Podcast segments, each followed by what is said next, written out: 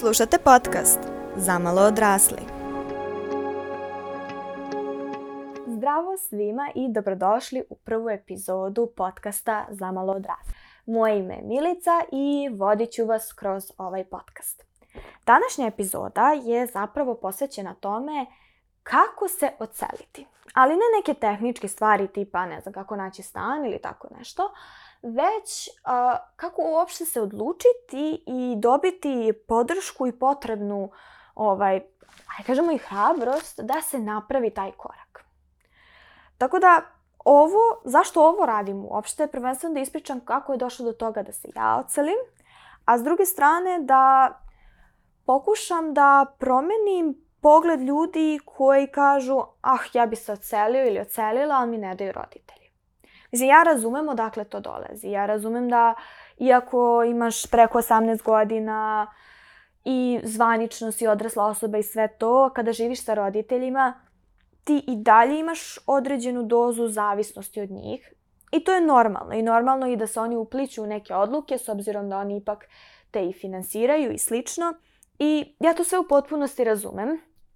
Ali smatram da prvenstveno uh, nije dobro zauvek držati takvo mišljenje jer u kom trenutku onda roditelji prestaju da se pitaju za takve stvari. Koji je onda moment kada u potpunosti uzimaš svoje odluke? Ok, ne možeš da kažeš roditeljima, e sad ćeš ti da mi platiš fakultet zato što nisam na budžetu. Mislim, to je naravno nešto što nije tvoja odluka. Tvoja odluka da kažeš, hej, ja ću da nastavim da studiram iako nisam na budžetu i da nađeš novac na neki način ili od njih ili zaradiš. Ali mislim da treba, pogotovo odluke koje su vezane za samostalan život, treba da doneseš sam ili sama i prosto da počneš da na taj način razmišljaš. Jer jeste malo teško u nekom trenutku uzeti odgovornost za odluke. Jer šta ako odeš, oceliš se i ne bude sve kako treba i negde pogrešiš i napraviš neku grešku greška je onda samo tvoja, odgovornost je samo na tebi. Ja znam da to mnoge ljude verovatno i plaši, budi neka, neke emocije koje možda nisu pozitivne. Ali doći će u jednom trenutku taj trenutak i zašto ne izabereš sam, sama, kad će taj trenutak da dođe. Znači, onda kad si ti spremna da tad uzmeš i kažeš sad ću ja da uzmem svoj život u svoje ruke. To naravno ne znači da ukoliko roditelji, mnogi roditelji nisu, ne, ne, ne mora, nisu čak uvek ni roditelji. Roditelji, babe, dede, tetke, porodica generalno ume da bude i ne toliko, ne kažemo, uz tu ideju da neko se oceli. Pogotovo ukoliko nema dobar razlog za to. Pre će neko možda dopustiti detetu da ode da studira u Beograd, jer u svom naselju prosto nema fakultet, i daće detetu da ode, jer okej, okay, to ima nekog smisla, nego da dopusti detetu koji živi u Beogradu, da sad živiš u Beogradu, studiraš u Beogradu, šta ćeš ti da živiš sam? To je prosto nešto što mislim da nije dobro po decu, i, ali kažem, znam da postoje roditelji koji imaju takva mišljenja, babe, dede, ujke, strine, tetke i prosto to jeste tako. Postoji par način da se to reši. Jedno je da kažeš sutra, e, ćao, ja odo i šta, hoće da te kazne. Postoji kao opcija, ali ja prosto ne preporučujem tu opciju, zato što, naravno, ima slučajeva kada prosto to je jedini način da se neko reši negativnu situaciju u kojoj se nalazi. I u tom slučaju šaljem punu podršku i puno, puno sreće i topline i da to sve ispadne kako treba ali mnogi od nas to ne moramo da uradimo, prosto samo želimo. I onda zašto bi se stavio u takvu situaciju da nemaš podršku od roditelja, da ne možeš možda da se osloniš da makar deo novca da ti daju, da ne možeš da se osloniš na to da kada ti iskuči osigurač, a ti ceo život si navikla na ovaj, automatske osigurače koje samo ping i vrati se struja, a ti jednom imaš onaj stari osigurač i ne znaš što radiš, da možeš da pozoveš mama i da kaže mama. to je prosto nešto što ćeš izgubiti ukoliko naglo odeš. Ukoliko samo odlučiš i kažeš baš me briga i odeš. Zato je moj savet da polako kreneš da pripremaš roditelje. Znači, i sebe i roditelje. Prvo, mislim da treba i tebi vremena da bi prosto to i sa finansijske strane bilo odrađeno pametno i kako treba. A, a opet s druge strane mislim da to može da da roditeljima vreme da oni svate da prvo si ozbiljan ili ozbiljna u toj nameri. Znači da to nije sad neki kao hier, danas e, mi neko nije dao nešto pa se ja ljutim i sad ću kao, sad ću ja da se ocelim. Ne, prosto uh, da to bude zaista iskrena odluka, hej, ja mislim da bi mi ovo godilo, mislim da bi mi ovo pomoglo, ja ovo želim I onda prvo kreneš, pa im pričaš jednom, drugu, peti put, sad će da ti kažu ne može, e ne može, e ne može. I onda ti 15. put im to ponoviš. Usput im kažeš, uh, usput se možda zaposliš ili nađeš, možda već radiš. Objasniš im da ti imaš dovoljno novca. Dođeš i pitaš, hej, ne znam, tata, mama, koliko mi novca trošimo za hranu? Mm -hmm. A koliko su nam računi, dobro? A koliko često, a šta ovo, a šta ono? I polako kreneš da se informišeš i onda prosto, ako oni misle da ti ne možeš da ideš sama, zato što a, nisi sposobna. Na ovaj način ćeš im promeniti mišljenje, bit će u fazonu, ne, moje dete je sposobno, moje dete može, vidi, pa ono zna da mm, će toliko novca biti potrebno. Ono radi, ono gleda kako će, aha, ono se interesuje za ovo, ide sa mnom u kupovinu, aha, možda je selo sa mnom da nauči da e, pusti mašinu ili nešto što možda ne znaš, ok, neko to možda zna, Neko to naučio kao mali, neko to ne zna. To je sve okej. Okay. Prosto dati roditeljima vrijeme da se i oni aklimatizuju na taj pojam i da vide da to nije hir, da ti više nisi dete i da potpunosti možeš da donosiš tu odluku. Recimo, moja majka, kad sam ja prvi put rekla to, ona je zaista mislila da ja nisam ozbiljna, da ja kao želim to, naravno, razumela je da ja to želim, ali nije mislila da ću ja to zaista da uradim, da ću ja to zaista moći da uradim. I onda sam mi ponovo pričala i opet sam mi ponovo pomenula, pa smo onda računali, pa ja sam radila tada, ja sam mi pričala koliko zarađujem. Ne, videla sam ja vrlo ozbiljno i u jednom trenutku je samo to prihvatila. Da li je bilo lako? Ne. Ali da li je jako ponosna na mene i da li me podržava više nego ikad u životu? Da. I to je nešto što možete da zadržite. Znači, sem te podrške kao uh, aj kažemo, blagoslov, pomoć koju prosto možeš da dobiješ. Mislim, prosto neka će ti se desiti neka situacija, pogotovo vezano za, aj kažemo, održavanje kuće, na koji nisi navikao ili navikla i prosto lakše da pozoveš roditelji kao, hej, kako se menja slavina, hej, kako se radi ovo i ono, uh, hej, um, šta treba da uradim da uzmem novu ličnu kartu, um, kako da rešim to i to. Prosto oni su ipak, ipak prošli.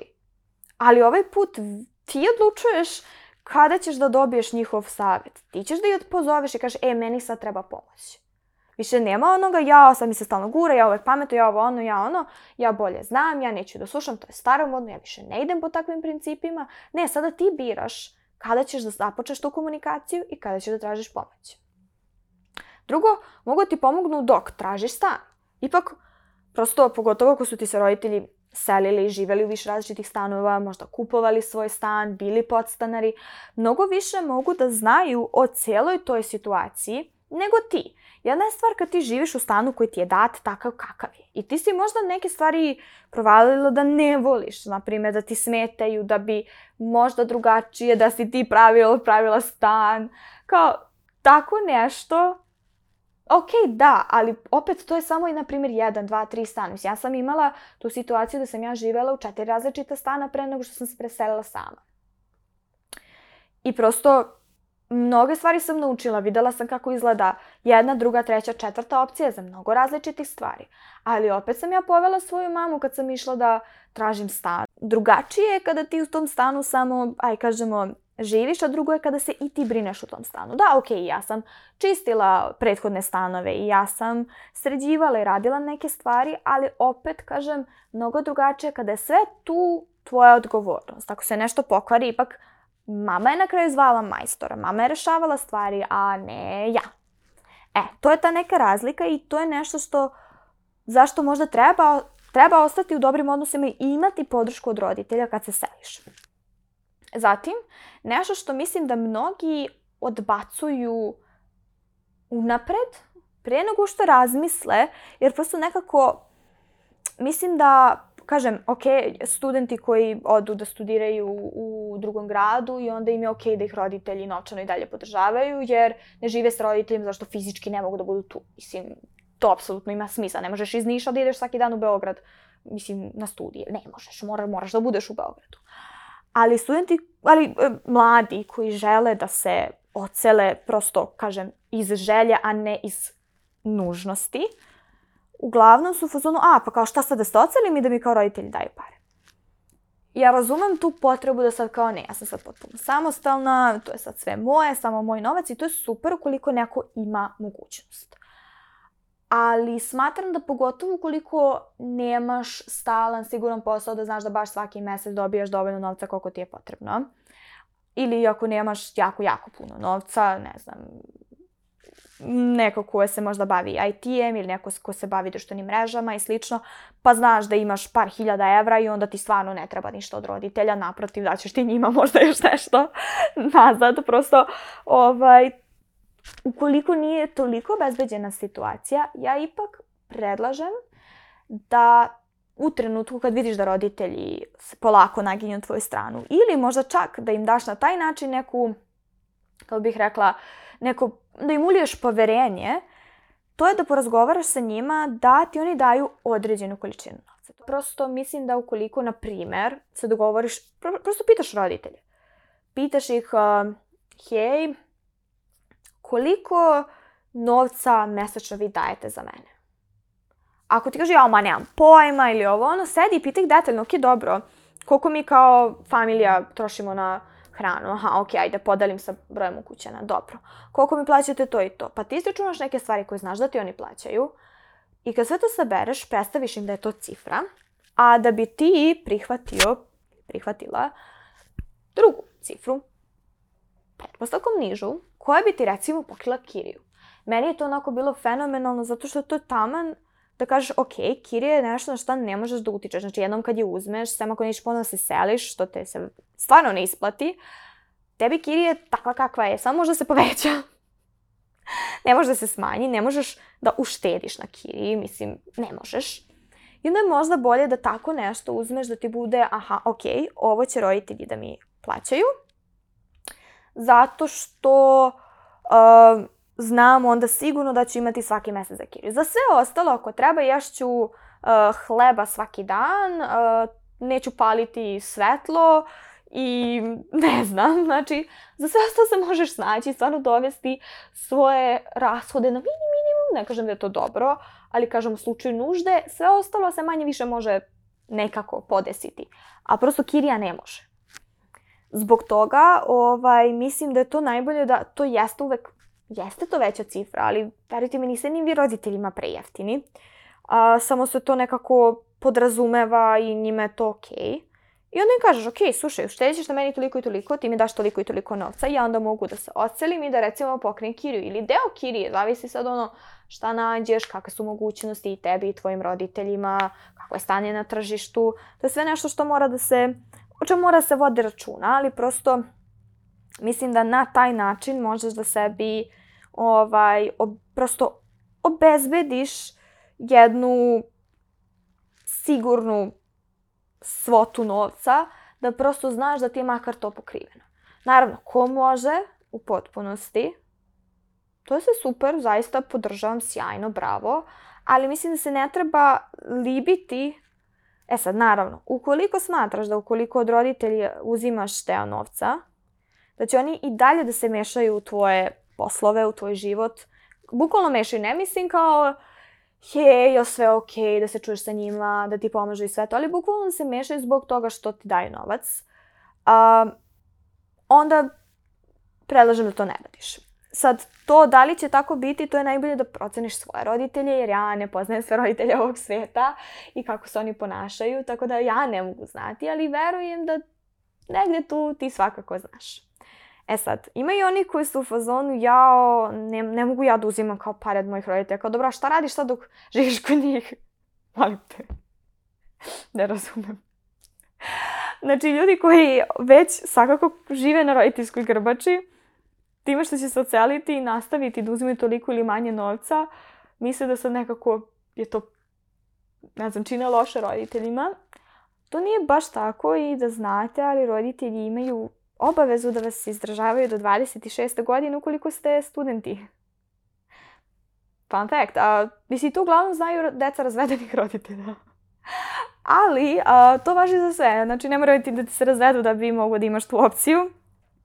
Prosto, to je nešto što je tako. Znači, računa se da neko ko studira ne može da radi, što nije tačno, ali hej, mislim, kad već te nekako zakon ide u tvoj koris, što da ne. Mislim, naravno, ići na sud i zapravo dobiti izdržavanje je neisplativo, stvarno neisplativo. To uglavnom imaju deca koje su razvedenih roditelji, prosto već imaju dodeljeno i samo idu sa time. A zato je bolje da, kažem samo, to je više informacije da se ne osjećaš loše, jer imaš potpuno pravo na to. A tvoji roditelji imaju obavezu. Tako da u tom smislu, kažem, to samo zato što neko ima pravo, ne moraš da iskoristiš nužno. Mislim, kaže, neko ko zarađuje 5-6 hiljada evra, a roditelji mu imaju 500 evra platu, pa mislim, neće sigurno uzimati od roditelja ako se oceli, živi negde sam. Mislim, prosto to naravno da nema smisla, ali opet kažem, proceni svoju situaciju, nemoj da samo otvori malo um, razmisli, provagaj i na taj način.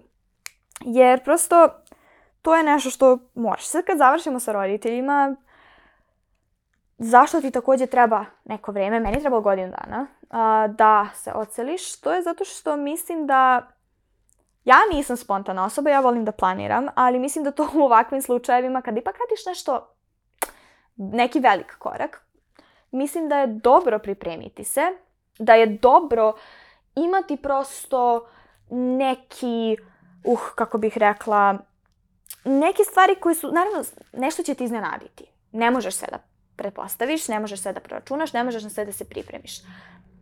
Ali mislim da je pripremiti se donekle bolje nego ne pripremiti se uopšte. Tako da, što se toga tiče, smatram da je dobro prvo stati i napraviti budžet.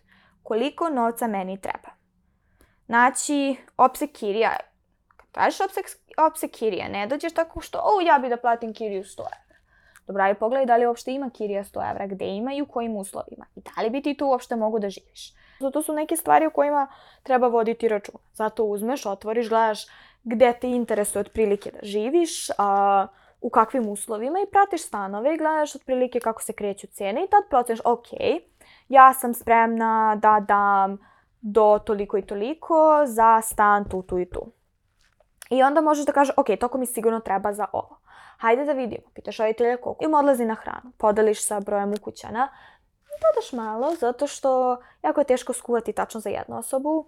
Vrlo često skuvaš da imaš za 1,3 obroka a, ili 1,7, pa ni da podeliš na dva, ni da pojedeš od jednom i slično mnogo često kad živiš sama prosto baca se hrana zato što nisu sva pakovanja takva da ti možeš da kupiš zapravo za jednu osobu. Vrlo često neke stvari su samo u većim pakovanjima i prosto ne možeš da kupiš dovoljno za to koliko ti treba. I slično. Ovaj, tako da malo uvek tu treba dodati. I prosto ne treba zaboraviti. Ja ću pričati detaljnije o tome kako zapravo napraviti budžet. Za sada samo prosto šta sve treba generalno pre nego što odlučiš. Znači, zbog toga ti treba da bi sve to mogo da sakupiš te informacije, da proceniš, da testiraš, da testiraš koliko možda zaradiš. Znači, jedna stvar je reći, hej, ja ću da krenem da radim, ja ću da imam 100.000 platu, dobro, ajde. Pa da, dobro, sad ću ja to da freelancujem, ja ću, ok, ajde, pokušaj da vidi. Uzmi neko vreme da vidiš, pogotovo ako radiš kao freelancer ili ako želiš da radiš negde, a recimo studiraš, da ti uopšte možeš da postigneš ta dva u isto vreme. Prosto da testiraš da li možeš uopšte da dođeš u tu situaciju da živiš sam i da sebe izdržavaš.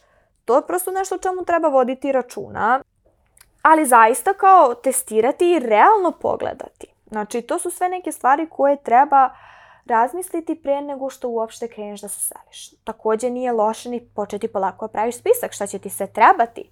Kada se osviš, to naravno ne treba godinu dana unapred da praviš spisak, ali već par meseci unapred treba da sve možeš da pripremiš pre nego što se preseliš. Videla sam čak jedan video na Instagramu, sad nisam, nemam pojma ko je napravi, iskreno nisam sačuvala, a, kao počni da kupuješ neke stvari za oceljenje mnogo prema što se oceliš. I to je zapravo jako cool zato što taj prvi mesec kad se ti oceliš, prvo moraš da platiš dve kirije najčešće, jer jedno je kirija, drugo je depozit, koji je uglavnom u veličini kirije. Drugo, tu treba da kupiš šerpe, lonce, um, neke stvari tipa ono so, uh, ulje koje ćeš da kupiš jednom i možda za par meseci ili za godinu dana ponovo. I mnogo toga trebaš u stvari da opremiš unapred. Kada su u pitanju stvari koje nisu hrana, gledaj šta možeš da poneseš od roditelja. Pitaj hej, jel imate možda posteljinu viška?